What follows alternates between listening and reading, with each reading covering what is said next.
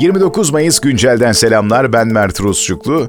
Türkiye Cumhurbaşkanı'nı seçmek için tekrar sandık başındaydı. Dün gerçekleşen seçim sonucu açıklandı ve Türkiye'nin yeni dönem Cumhurbaşkanı Recep Tayyip Erdoğan oldu. Ve katılım oranlarına baktığımız zaman da katılım oranlarında bir düşüş karşımıza çıktı. Aslında daha yüksek olması bekleniyordu.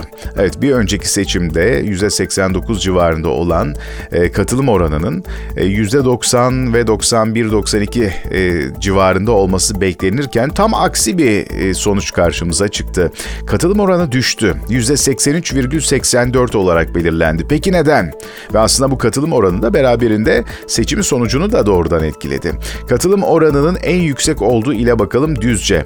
En az katılım sağlanan ise Ağrı olarak karşımıza çıktı.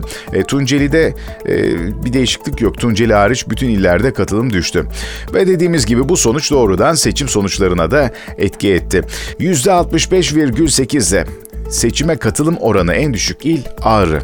Ağrı'yı Iğdır, Van, Muş ve Kars takip etti. Üç büyük şehire de bakalım. Üç büyük şehirde de durum çok farklı değil maalesef. Orada da düşüşler yaşandı. Seçime, ilk seçime yani birinci tura %90,8 katılım oranı gösteren İstanbul'da ikinci turda %87,8 oranında katılım oldu. Ankara'da ise ilk seçimde %91,5 katılım sağlanmıştı. İkinci turda katılım oranı %88'e düştü. İzmir'e baktığımızda İzmir'de ilk seçimde %90,5 katılım sağlanmıştı. İkinci seçimde %87,2 oranında sandığa gidildi.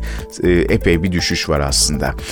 Ve bunu sadece Türkiye değil uluslararası haber ajansları da e, paylaştı. Çünkü onların da dikkatini çekti ve nedenini sorgulamaya başladı. E, bunlardan biri de The Guardian. E, muhalif seçmen sandığa gitmedi dedi. İngiltere'nin saygın gazetelerindendir The Guardian. Muhalif seçmenin ikinci turda sandığa gitmediğine dikkat çekti gazete ve muhalefetin yoğun olduğu bölgelerde sandığa gitme oranı düşüktü başlığıyla habere çıktılar. Haberde sandığa gitme oranı genel olarak düşüktü ancak Kılıçdaroğlu'nun büyük destek almayı umut ettiği büyük şehirlerde ve Kürt nüfusunun yoğun olduğu Güneydoğu'da daha da düşük oldu denildi. Erdoğan'ın kazandığı bölgelerden de söz edildi ve Erdoğan'ın kazandığı bölgelerde dramatik bir düşüş olmadı denildi Guardian'ın haberinde.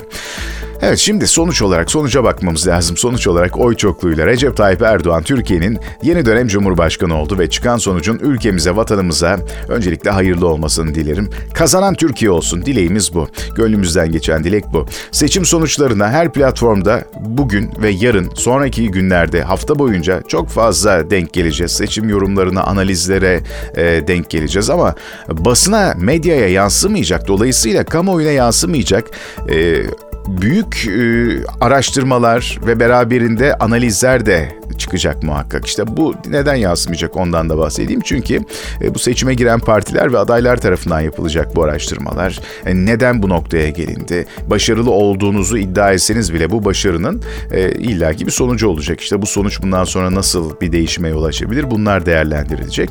Her seçim sonrasında bir değişim olur. İşte geçtiğimiz yayınlarda da bu değişimden bahsettik hep. Değişim, değişim, değişim dedik.